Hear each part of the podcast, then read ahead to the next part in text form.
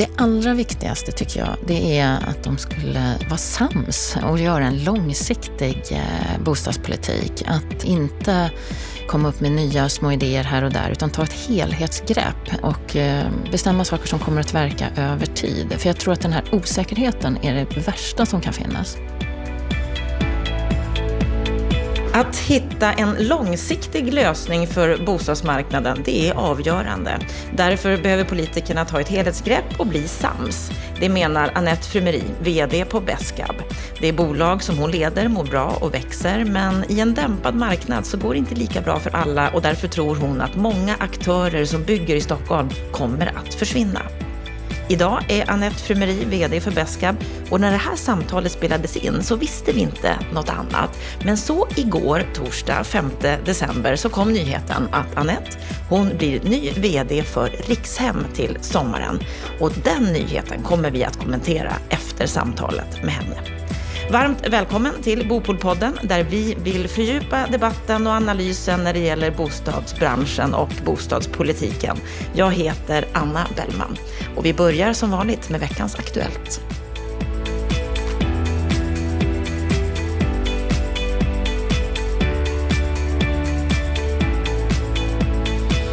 Nu är vi i början av december. Stefan Attefall, vår expertkommentator här på Bopolpodden. Vad har hänt inom bostadspolitiken under veckan? Ja, det har hänt mycket tycker jag och eh, som vanligt hittar man flera godbitar på bostadspolitik.se. Björn Sidersjö, Siersjö, som är stadsarkitekt i Göteborg, skriver en intressant krönika där han pekar på kommunernas bidrag till att driva upp byggkostnaderna. Jag tycker det är intressant att en stadsarkitekt tar upp den tråden. Och han pekar på parkeringsnormer och parkerings, tillämpliga parkeringsregler, tillgänglighet, eh, överklaganden och långsamhet i processerna och även markgirighet som han kallar det, också kommunerna de tar ut för höga priser. Och han pekar på att kommunerna är också en viktig aktör för att man kan alltså bidra till att driva byggkostnaderna uppåt, vilket ju gör att hyror blir dyrare och allt sånt där. Eh, vad han möjligtvis glömmer att påpeka det är att också detaljplanernas detaljregleringar som kommunerna håller på med driver också byggkostnader. Men det är bra att han sätter fingret på detta med att kommunerna spelar också roll för kostnaderna. Inte bara staten och inte bara skatter och inte bara eh, konkurrensfrågor. konkurrensfråga utan det är faktiskt en uppgift som kommunerna måste vara rannsaka sig själv. Och det tycker jag Björn Siersjö sätter fingret på på ett jättebra sätt på krönikan på bostadspolitik.se. Mm, för de går ju lite fria. Tror att de kommer att rannsaka sig själva. Ja, det är också olika i olika kommuner. En del kommuner är mycket bättre på det här, andra är oerhört, eh, ska vi säga, har oförståelse för, för vilka krav de själv ställer, vilka kostnader det innebär. Men eh, en debatt om de här sakerna, den är nödvändig och där tror jag alla kommuner har en resa att göra. En del lite mera och andra lite mindre. Eh, jag tror att Göteborg tillhör en kommun som kanske ska ha en rejäl diskussion om detta också. Och sen har vi en rapport från HSB som mm, har kommit. Just det. De har gjort en uppföljning på en tidigare rapport och så tittar de, jämför med 2015 och så tar de ett antal, en eh, hemmaboende 23-åring, ett 27-årigt par och en ensamstående 30-årig man med barn. Hur har deras möjlighet att komma in på bostadsmarknaden blivit bättre eller sämre sedan 2015? Och de konstaterar att alla de här tre grupperna har fått i stort sett svårare att komma in på bostadsmarknaden. Och eh, Anders Lago som är eh, förbundsordförande för HSB, han talar om de här insiders som klarar sig bättre medan outsiders, som inte är inne på bostadsmarknaden, får allt högre trösklar. Och då pekar han ju på exempelvis de här kreditrestriktionerna som har försvårat. Eh, och då han, han, kräver ju då att vi, har, vi måste få en social bostadspolitik kombinerat med, med då, eh, bättre kreditvillkor. Och här klagar han ju på att regering och banker måste skärpa sig. Och då driver han ju också de här teserna som HSB har om vi måste ha stöd till bostadssparande, vi måste ändra bolånetak och, och hitta möjlighet till startlån och liknande saker. Eh, krav som också andra aktörer lyfter fram i debatten. Men det är en intressant belysning av att problemen blir värre att komma in på bostadsmarknaden. Och det tycker jag han har en poäng i, Anders Lago i sin rapport från HSB. Och just denna kommentar, den här kritiken som han lyfter och som du säger som många, många andra också lyfter, kommer om man börjar lyssna på det här nu? Ja, eh, alltså det är, man låter ju myndigheter titta på riskerna för finansiell instabilitet och sen så drar de till med ett antal restriktioner för att göra det svårare att låna, kräva mer eget kapital och politiken är tyst och passiv. Och det är det som är problemet. Om man nu tycker att det här att myndigheterna gör rätt, då måste man hitta kompensatoriska åtgärder från politikens sida för att parera det här. Men det händer ju ingenting där. Och januariöverenskommelsen innehåller ju inga sådana aspekter heller. Va? Så att eh, jag är inte så optimistisk. Men eh, det är väl så att många aktörer pekar på problemet. Till slut så kanske droppen urholkar stenen. Vi får se om det går åt det hållet. Något annat som du har noterat under veckan? Ja, det finns ju många intressanta saker. Jag gjorde bara en sån här enkel googling på, på begreppet bostad och nyheter. Och så slås jag att när bostad nämns i nyhetsflödet, då är det detonation vid bostad. Eh, 17-åringen tros ha mördats i mannens bostad. Eh, svårare, eh, bråk i bostad, misshandel. Alltså det är massa sådana här nyheter som är kopplade till begreppet bostad. Och det illustrerar faktiskt en sak som jag lyssnade på häromdagen och jag lyssnade på det tidigare också. Olika undersökningar som pekar på att det människor främst vill ha när man söker ett boende, det är trygghet. Och jag tror att det här är underskattat hos politiken men också hos fastighetsägarna. Alltså trygghetsfrågan, den växer fram som den viktigaste. Människor vill känna sig trygga i sina bostadsområden. När man går ut, när man rör sig, när man går från busshållplatsen, när man går till parkeringen. Och det där tror jag är en aspekt som vi kanske inte alltid, vi pratar mycket om hållbarhet i olika aspekter, men glömmer det basala. Om inte man känner sig trygg, då spelar andra ganska liten roll faktiskt. Men eh, det sista som jag tyckte vi ska, vi ska kommentera lite grann, det är en rolig sak som Svenska Dagbladet har idag. Och det är att de lyfter fram det här med att spelet Minecraft kan användas för att hjälpa exempelvis unga att komma in och delta i utveckling av stadsdelar. Och det finns ett sådant projekt som bland annat UN Habitat, en FN-organisation, har varit med och använt bland annat i, i, i städer i Kenya kring olika så här flykting och eh, slumområden. Eh, och det här används också i Fittja exempelvis nu som exempel här ifrån, eh, ifrån eh, Svenska Dagbladet. Och det visar på att med hjälp av ett dataspel kan man få unga människor att delta i det som man kan, man kan kalla medborgardialog. Då tänker vi oftast på att man sätter upp anslag, kom på ett möte, står någon från Stadsbyggnadskontoret och berättar, så här tänker vi göra och så sitter ett antal äldre män oftast, eh, som är föreningsvana och går på möten och tycker till. Men man når sällan de här grupperna som inte går på de mötena.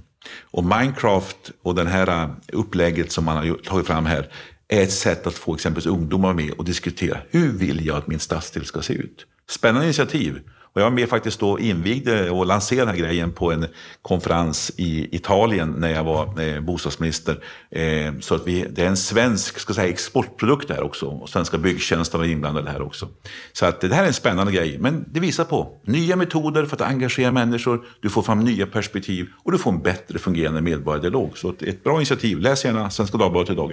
Och det är väl så, en ökad medborgardialog gör också att det blir ett bättre samhälle, ett bättre samhällsbyggande. Ja, ja vi, vi måste få med oss människorna. Och framförallt få med oss de människor som inte kommer på mötena. Och det visar sig alltid, de som har lyckats, de söker upp människor där de är. Istället för att kalla dem till möten där jag är. Och eh, det tror jag är receptet för att få med människorna på hur man ska forma en stadsdel eller förnya en stadsdel eller bygga nytt eller vad det kan vara för någonting. Bra, det var det som Stefan Attefall hade fiskat upp i nyheterna under veckan. Stort tack, Stefan Attefall.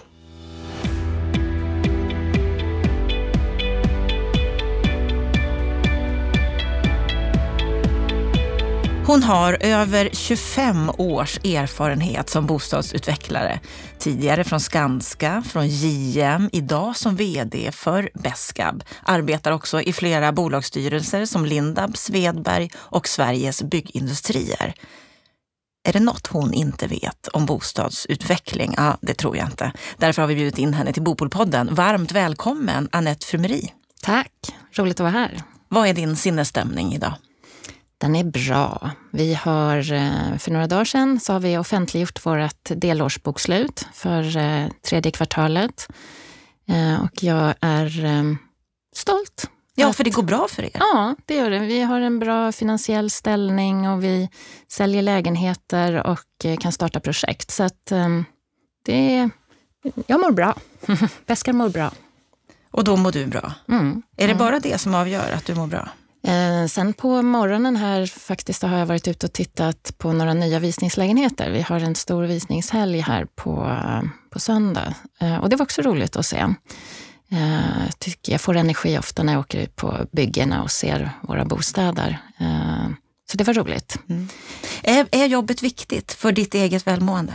Ja, det är det. Ja, det är det. Jag, eh, eh, Anette, eh, privat och jobb går ganska mycket ihop. ja, det är det.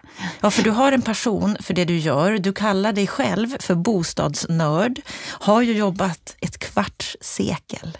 Oj, vad gammal jag låter. Det låter, nej, men du, du, ser ju inte gammal ut så man kan ju, man kan ju bli förvånad. Vad är det som gör att du har fastnat så för den här branschen? Eh, nej men det är verkligen roligt att vara med eh, och bygga bostäder och eh, utveckla samhället eh, och få hjälpa människor att hitta liksom, deras drömhem. Eh, och för eh, 25 år sedan när jag var ny från KTH eh, och började på JM då, så eh, började jag med att sälja lägenheter och gjorde det i några år. Och det tycker jag är fantastiskt roligt fortfarande, att få vara med och hitta, hjälpa kunderna att hitta rätt boende till just dem. Eh, och det kan faktiskt hända att jag träffar, det var några år sedan nu, men ibland, det hände några gånger att människor på stan liksom, Anette, kommer du inte ihåg mig? Och då kunde det vara så 20 år sedan som jag hjälpte dem hitta en ny bostad. Ja, och det var ju livsavgörande för dem. Ja, exakt. Så där hjälpte du till i ja. deras mm, viktiga mm, mm, del i livet. Mm. Det är sju år sedan, sedan du började på Beskab och som VD där. Mm. Vad är det som gör dig till en bra VD? Oj, Ehm, jag tycker... Ehm, jag har flera uppgifter tycker jag som eh, VD. Ehm, den ena är att se till att eh, det i bolaget finns en struktur där det, där det går att arbeta så att säga och där processer fungerar och där man fattar beslut på rätt sätt och, och där man har en bra kultur i bolaget. Så det är väl det ena. Sen det andra är att jag ser till så att de får jobba i fred eh, under perioder. Eh, så jag är ju liksom länken mot styrelsen naturligtvis och eh, försöker se till så att våra medarbetare får eh, jobba och utföra sina eh, sysslor och att jag eh, håller klåfingriga eh, chefer. Eh, så. Eh, och sen representerar jag bolaget eh, också i olika sammanhang. jag försöker förmedla energi och tycker att ledarskap är väldigt viktigt eh, och jobbar med mitt eget ledarskap. Ehm. Trivs du med det? Ja, det gör jag. Det gör jag. Eh, jag har varit chef några i många år. Ehm, jo, men det gör jag. Mm. Och hur ser du på, på, på framtiden för, för och din roll där? Har du drömmar, visioner? Ja. Du har ju ändå eh, varit ett tag nu. Ja, och när jag började då för sju år sedan, precis som du sa, så hade jag två tydliga fokus på Beskab. Det var att eh, växa Beskab och att gå till börsen. Och, eh, och det klarade du ganska fort? Ja, det tog en liten stund. Det var ju ett och ett halvt år. Mm, så gjorde vi vår, ringde klockan där, 12 juni 2014. Eh, men det var, det var ett väldigt roligt projekt och istället för att ta in eh, många konsulter, och vi hade några konsulter också, men, eh, och tog in hjälp. Men vad vi gjorde också var att vi delade upp hela ledningsgruppen och jobbade med, med projektet Börsen. Så man fick olika ansvarsområden. Så att vi gjorde det som en rejäl teamövning i, i ledningsgruppen. Varför är det viktigt att vara på börsen? Um, av flera skäl. Uh, det ena är ju att du, får, eh, att du syns mera. Uh, vi kommer ut och Eh, kan jobba på att eh, ja, synas både för de som ska köpa lägenheter och för medarbetare och för de som vill sälja mark. Men även eh, kapital. Naturligtvis vi tog in 300 miljoner. Så det finns möjligheter att göra det. Och sen också en, en man kan säga en kvalitetsstämpel att det proffsade till Beskab lite eh, faktiskt också i governance-strukturer. Viktigt för tillväxten och att ja, fortsätta ja, det det. Ja, framåt. Det. Om vi tittar på marknaden som helhet så har det ju varit och vi, det är ju en väldigt händelserik, spännande, mm. fascinerande marknad på många sätt just nu. Du pratar om kapital, vi får in mycket kapital mm. i fastighetsbranschen, bostadsbranschen. Både svenskt och utomlands ifrån, nya köpare och säljare, många stora affärer, mycket hög aktivitet på många sätt. Samtidigt så är det ju en del saker som går i otakt. Vi har logistik och kontor som går som tåget, men handel och bostadsutveckling är lite tamare med. Kan du hålla med om den här beskrivningen? Ja, det, det, är naturligtvis sant. Men jag kan tycka att eh, om vi tar bostäder då som, som jag kan bäst så är det ju, sen 2017 då på hösten, för två år sedan, då var det ju ett ganska, tog ett abrupt eh, slut liksom. och eh, priserna föll där knappt 10 procent. Men sen ganska snabbt 2018 så började marknaden stabilisera sig och vi började sälja och eh, vi startade fyra projekt under 2018 eh, och det är mindre än vad vi hade i vår affärsplan och vad vi hade för eh, mål och drömmar. Men jag är ändå stolt över det, att vi, att vi fick ihop det. Och vi nallade inte på våra marginalkrav eller på våra säljkrav. Eh, och i år eh, så ser vi att priserna har faktiskt ökat lite grann. Och marknaden har stabiliserats ändå mer och eh, hittills har vi startat knappt 400 lägenheter. Och vi har några månader på oss att, att starta ytterligare. Så jag tycker ändå att bostadsmarknaden känns mycket mer stabil och svagt optimistisk skulle jag säga. Och att nyproduktionen har kommit tillbaka. Vi har mycket folk på visningarna och det här har liksom fortsatt, tycker jag, i november nu också, när marknaden håller i sig. Så att um, har du rätt produkter på rätt plats till rätt pris så går det att sälja och starta projekt idag. För här har det ju varit lite olikheter när det gäller just ny, nyproduktionen. Där det har behövts nya bostäder men det har kommit ut många som inte efterfrågats. Mm. Där mottagarna har varit i fel segment. Ja, å andra sidan, det finns inte mycket tomma lägenheter i, i Stockholm idag. Eh, och, och, de som står tomma, där sänker man ju priserna. Eh, så att eh, det behövdes det behövs mycket bostäder. Hur gör stor... man för att navigera rätt? För att se till att utbudet faktiskt är det rätta som kommer ut på marknaden? Ja, menar du stort eller menar du för Beskow? Så för oss så, så, handlar det mycket om prissättning naturligtvis också. Och jag menar så fort vi har eh, projekt eh, som har vunnit laga kraft, eh, detaljplanen och sen har vi fått eh, fastighetsbild och vi har ett bygglov så startar vi det på en gång. Den här myten om att man har eh, projekt som eh, man kan sälja fast man inte gör det, den tror jag inte på. Eh, För det har inte ni jobbat med nej, alls? Och jag har, Ingen spekulation? Nej, och jag har inte varit med om det på något annat eh, bolag heller där jag har jobbat. Däremot så är det ju så att, att, att eh, om du har fått en stor detaljplan på tusen lägenheter, då kan du ju inte börja i alla kvarter på en gång. Det behövs en infrastruktur däremellan och du hinner inte liksom projektera alla husen på en gång. Um, och, och, dessutom så är det ju som så att skillnaden mellan att en lagakraftvunnen plan var ju som jag sa att du ska ha, bilda fastigheter och du ska få bygglov innan du får starta. Och det där tar också, det kan ju ta upp till år eh, faktiskt ihop. Så att ehm, eh, så fort man får en bo, eh, bostäder som vi kan sälja, så gör vi det. Och så fort vi får ihop våra säljkrav så startar vi dem. Och det handlar för oss om ungefär 30 procent. Eller ganska exakt. Men hur ser du på de bostadsutvecklare som de facto flyttar fram inflyttningstider, som låser in kunder i att skriva avtal men ändå kan de inte flytta in? Ja, det där tycker jag inte om. Eh, och eh, jag, jag, förstår inte riktigt hur man tänker. För, för oss är det, för, eller för mig eh, och, och, för oss på Beska så är det väldigt naturligt att vi ska ha ett bygglov. Vi ska se pappret, att vi har bygglov, för då kan vi eh, sätta en inflyttningstid som vi vet att vi kan hålla. Sen kan det skjutas en eller två veckor. Liksom.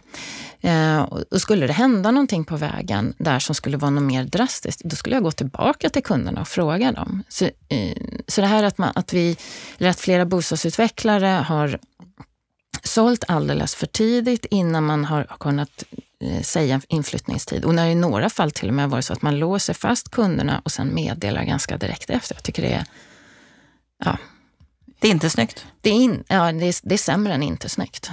borde, vi ha en tydlig, borde vi ha en tydligare lagstiftning här?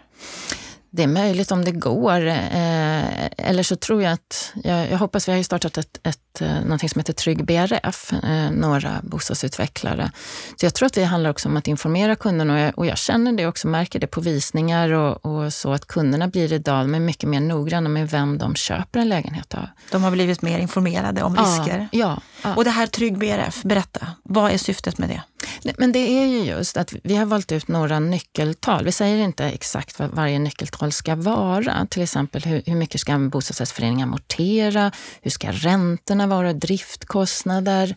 Eh, och tar upp vilka viss, viktiga frågor helt enkelt om du köper en bostadsrätt. Eh, och, där vi är tydliga med vilka nyckeltal vi har eh, i de här projekten. Och så kan kunderna lätt se det, så det blir transparent.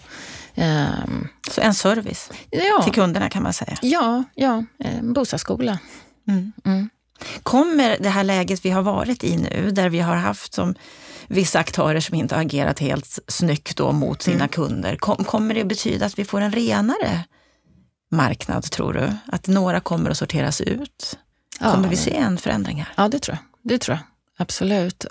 Sen, sen, kan det ju vara så att om fem år igen så, hittar, så kommer det något nytt. Men, men då får vi väl ta hand om det då. Men eh, jag tror definitivt det och jag tror att eh, också att eh, kommuner eh, lär sig med vilka man ska eh, ha samarbeten. För det ställer ju också till bekymmer för oss i olika samarbeten när, när eh, aktörer inte tillträder eller man tillträder och sen så bygger man inte det man ska och sådana saker.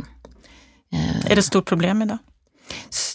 Inte stort problem, men det är ett problem. Mm. I en artikel i Expressen i våras så sa du så här att vi kommer att bli många färre aktörer som bygger i Stockholm. Mm, ja, det tror jag. Mm. Det tror jag. vi, vi, har ju varit extremt många. Jag tror att det var 300 i Stockholms stad som fick markanvisningar 2016. Eh, och, det, och det, är lite, det är väl väldigt många. Jag Hur tror. många tror du kommer att försvinna? Nej, men man pratar ju om att eh, det är ungefär hälften av lägenheterna eh, som byggs i Stockholm nu mot vad det var på toppen. Eh, en halvering. Så att det kan ju vara en halvering av byggherrar också. Och vad tror du om, om framtiden? Kommer det att fortsätta på det här sättet eller hur kommer, hur kommer konjunkturen att gå? Vi är ju på väg in i en, i en lågkonjunktur nu. Mm, I en avmattning. Eh, vad jag hoppas också det är ju att, jag menar Beskap har funnits i 30 år och att, att vi har möjligheten att ta lite marknadsandelar i det här. Eh, vi har gjort det tidigare, när jag ser lågkonjunkturer så, så har vi passat på att växa, att göra affärer och att eh, anställa människor och så. Eh, och det, det, går ju i cykler mycket så att ehm, men, men däremot så tror jag, jag tror inte att vi kommer komma tillbaka till det där vi var 2016 och 2017. För att i en sån marknad, att du, du har en högkonjunktur samtidigt som du har extremt låga räntor. Den kombinationen ser jag inte framför mig igen. Um, däremot så går vi in i en avmattning, precis som du, du sa, även om man kanske inte tror att den är en recession som man trodde för några... Inte så djup. Nej, inte så djup. Uh, men uh, det har ju fört med sig det att många tror att vi kommer att ha låga räntor för en lång tid framöver. Så att även om man ser den här konjunkturavmattningen så är de här låga räntorna, vilket gör att bostadsmarknaden ändå fungerar. Och, och ytterligare andra sidan där så har du ju de här kreditrestriktionerna då med, med bolånetak och med de två amorteringskraven. Som, som, eh, som gör det svårt för människor, eh, framförallt unga.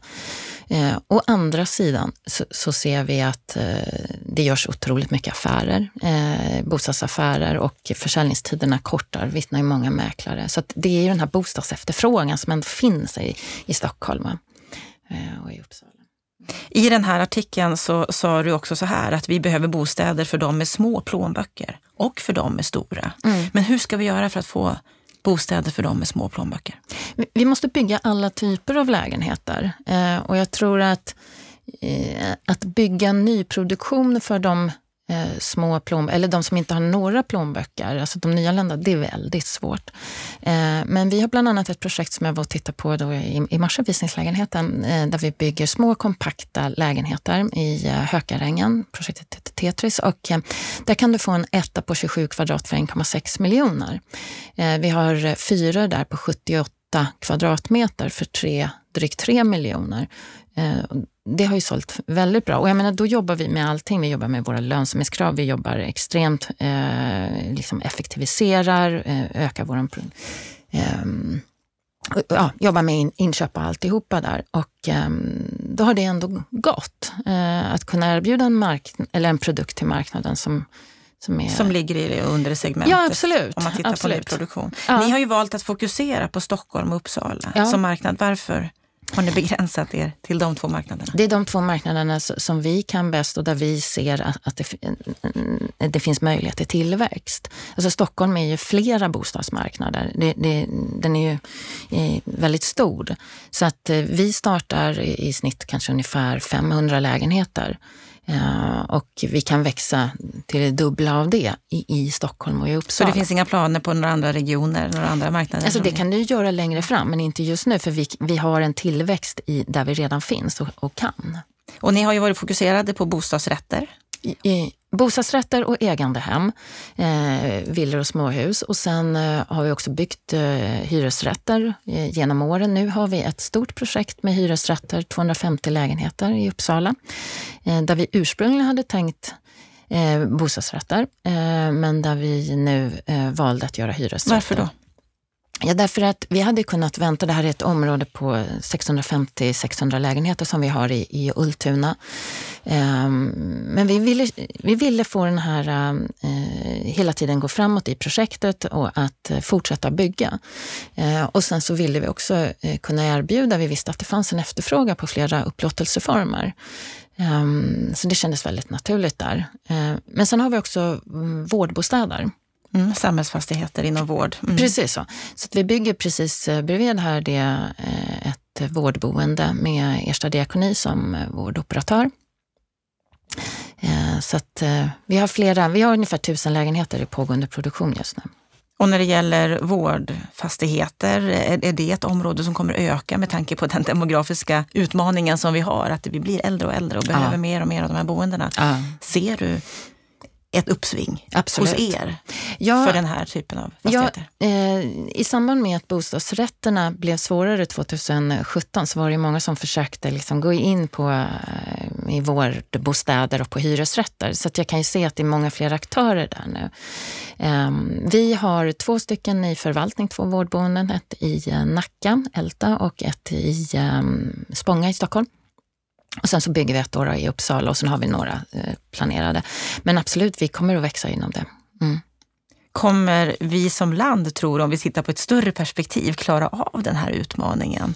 med att vi kommer bli 50 procent fler 80-plussare bara om tio år? Det, är klart, det beror på vad du menar med klara av, men, men eh, vi behöver ju bygga mera vårdboenden. Det gör vi om vi ska klara av det. Eh, och eh, sen finns det en problematik i hela välfärds Eh, hur ska vi finansiera välfärden eh, naturligtvis. Men, Men, du ser att er framtid är ljus i och med att ni finns i det här segmentet? Exakt, exakt. Vi kommer kunna fortsätta bygga det och, och vi har liksom kunnat bygga upp en väldigt fin kompetens. För här, här gäller det ju att kunna göra eh, hemtrevliga lägenheter där människor vill bo eh, och en bra fungerande arbetsplats för de som jobbar och även en, en, där du kan komma och besöka dina föräldrar som bor där på ett trevligt sätt. Så det gäller att kunna kombinera det där och det det har vi en bra kunskap om. Och här är du inne på någonting intressant tycker jag. Att faktiskt bygga bostäder, vårdbostäder, vad det nu är för typ av bostäder, där människor vill bo. Ja.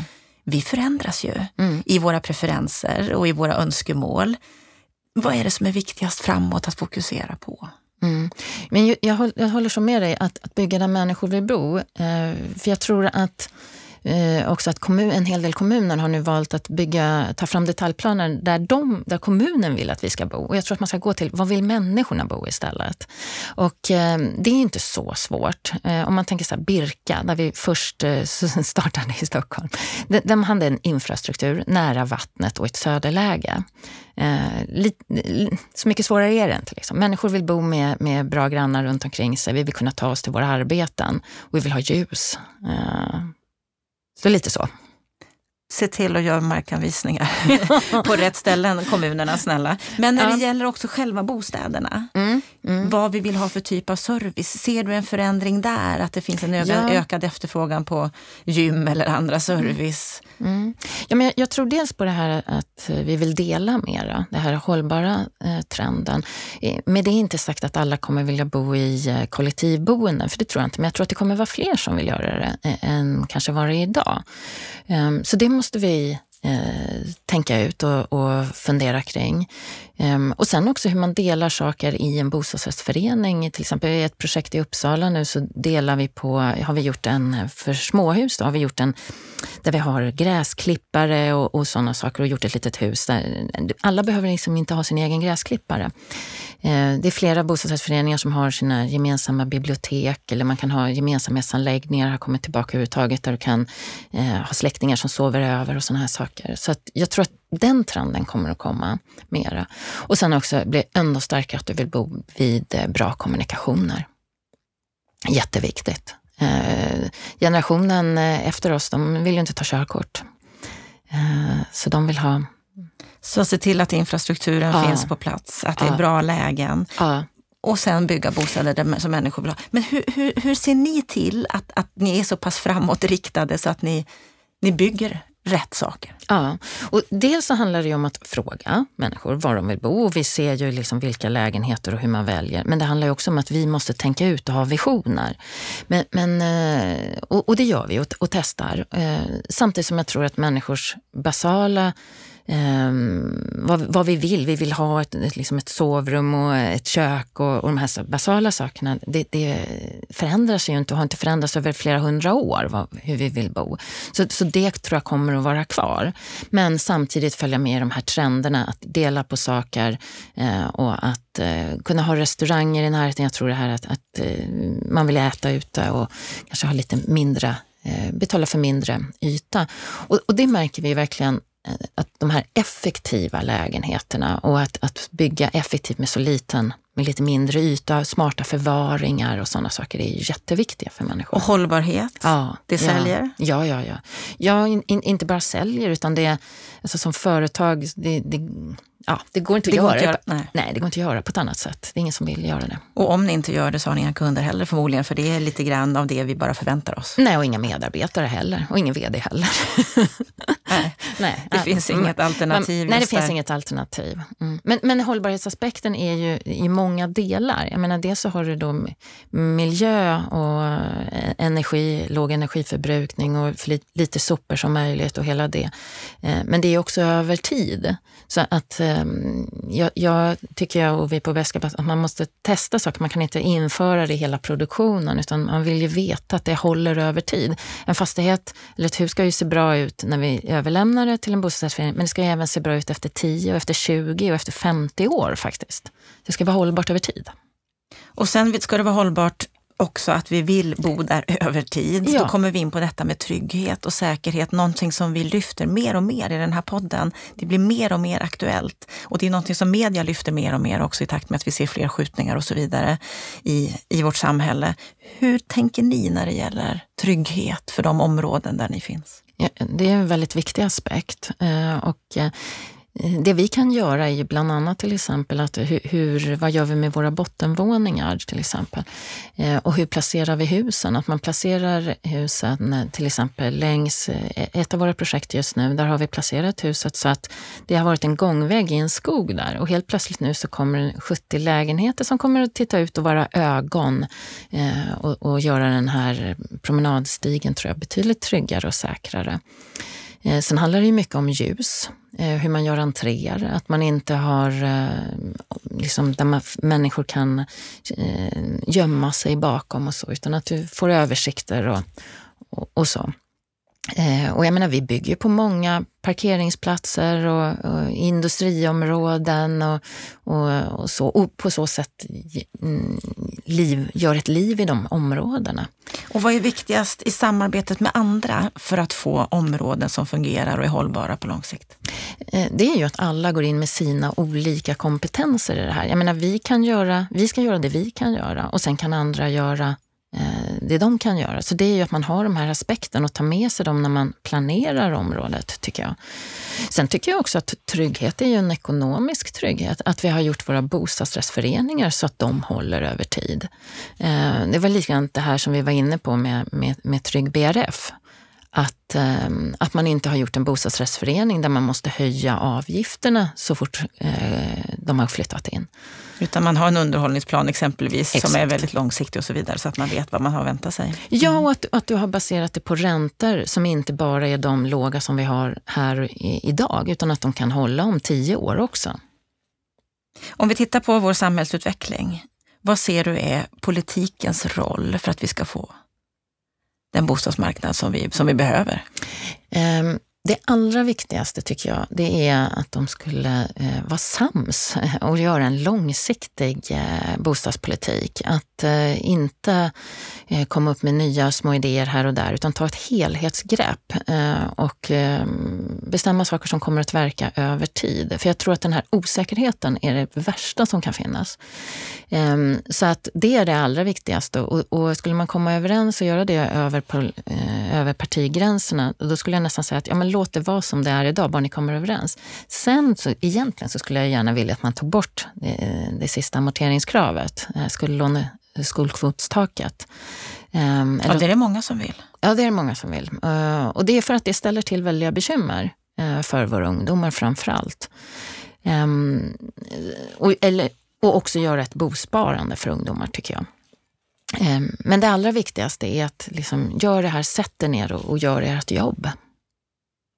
Gör ert jobb. Gör ert jag hörde en annan podd med dig där du sa att du hade pratat med vår tidigare bostadsminister Peter Eriksson och att han gärna hade velat ha en mer långsiktig bostadspolitik men han inte hade makten. Mm. Och att du trodde att vår nya bostadsminister Per Bolund har en större möjlighet till det. Mm. På vilket sätt då? Därför att han är ju också finansmarknadsminister. Eh, så han har ju liksom båda, han har möjligheten att också genomföra det han vill. Nu har vi ju inte sett det faktiskt hittills till, men eh, jag hoppas att det pågår saker som vi andra inte, eller som vi alla inte ser. Nej, han har ju lyssnat in en hel del Absolut. sen han kom.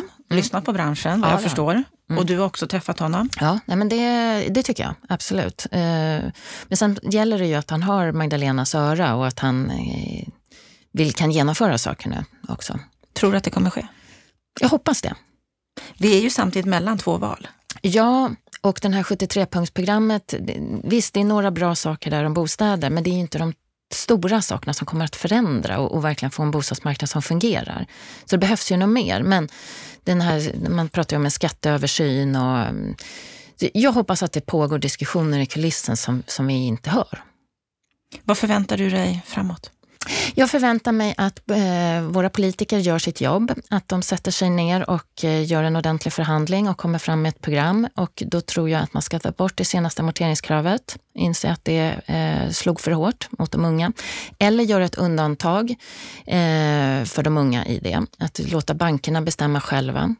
Eh, att införa ett eh, mm, ett sparprogram eh, för, för ungdomar där man kan helt enkelt pusha dem till en sparkultur istället för eh, en, eh, en, en, kultur där är, man bara tar för givet att pengarna eh, finns där.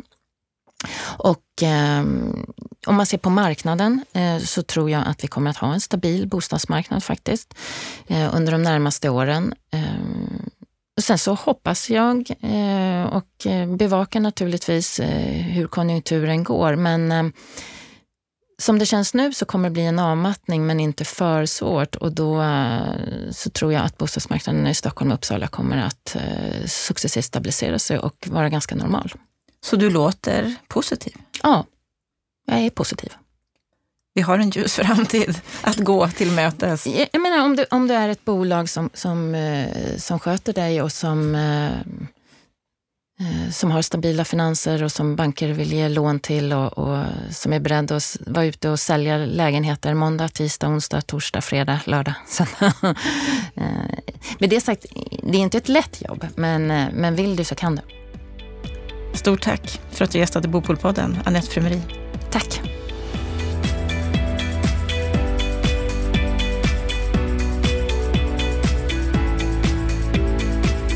Då har vi hört samtalet med Annette Frumeri. Vad säger du, Stefan, om det här samtalet?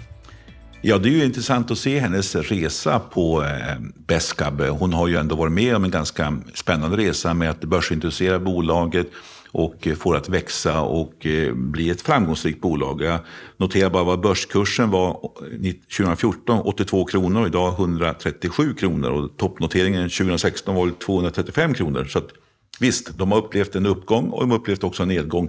Men sammantaget så är det ju en spännande resa som Beskap har gjort. Men det som kanske är mest intressant är att hon mellan inspelningen och eh, vårt samtal, det vill säga igår, så blev hon utsedd till ny vd för Rikshem. Mm, jag vet inte om du tänkte på det, men jag ställde ju faktiskt frågan till henne om hennes drömmar och visioner ja. när det gäller Beskab.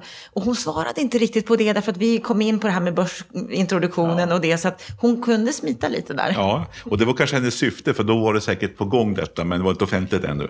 Men det tycker jag är spännande, för Rikshem har ju, de eh, avslutar ju samarbete med Sofia Mattsson, Eh, och lite grann tror jag att de söker nog en ny vd som på något sätt gör att företaget ska bli lite mera, ska säga, eh, offensivt när det gäller att köpa och förvärva. Eh, Sofia har fått lägga ner mycket energi på att få det, kanske alla gamla löften att förverkligas och få ordning på företaget efter en snabb tillväxt. Ehm, eh, men det är kanske en ny ledartyp de behöver. Och om Anette är då rätta personer för detta, ja, det får vi ju se. Men eh, hon går in i ett, ska säga, ett hyresrättsbolag, vilket är en annorlunda logik än ett bostadsrättsutvecklingsbolag, som ju Beskap framförallt är. Så att eh, det blir en annan typ av ledarskap, en annan typ av filosofi. Dessutom ägare som är in, institutionella ägare. Det är AMF som är pensionsfonden och det är AP-fond. Så att eh, jag tror att hon, eh, hon får helt nya utmaningar. Så det blir spännande att se hur hon klarar den här utmaningen. Mm, hon har ju klarat Beskab relativt väl, kan vi ändå ge henne. Och hon eh, har ju lite tankar när det gäller marknaden, när det gäller utvecklingen framåt. Och bland annat så säger hon det att just i Stockholmsregionen att hälften av alla aktörer kommer att rensas ut. Vad, vad, vad tror du om det?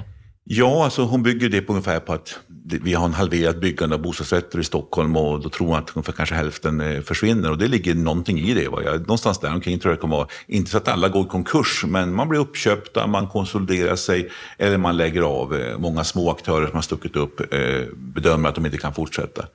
Men hon, jag tycker också att hon förskönar lite grann i utvecklingen. Och det gör alla de här vd på bostadsrättsutvecklingsföretag. De pratar om att ja, men nu rullar det på. Men eh, jag såg hennes siffror här nu.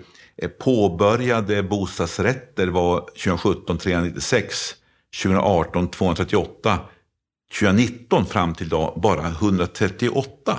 Men hon sa 400. Ja, därför att de också påbörjat ett hyresrättsprojekt. Alltså ett projekt som de tänkte göra bostadsrätter förut.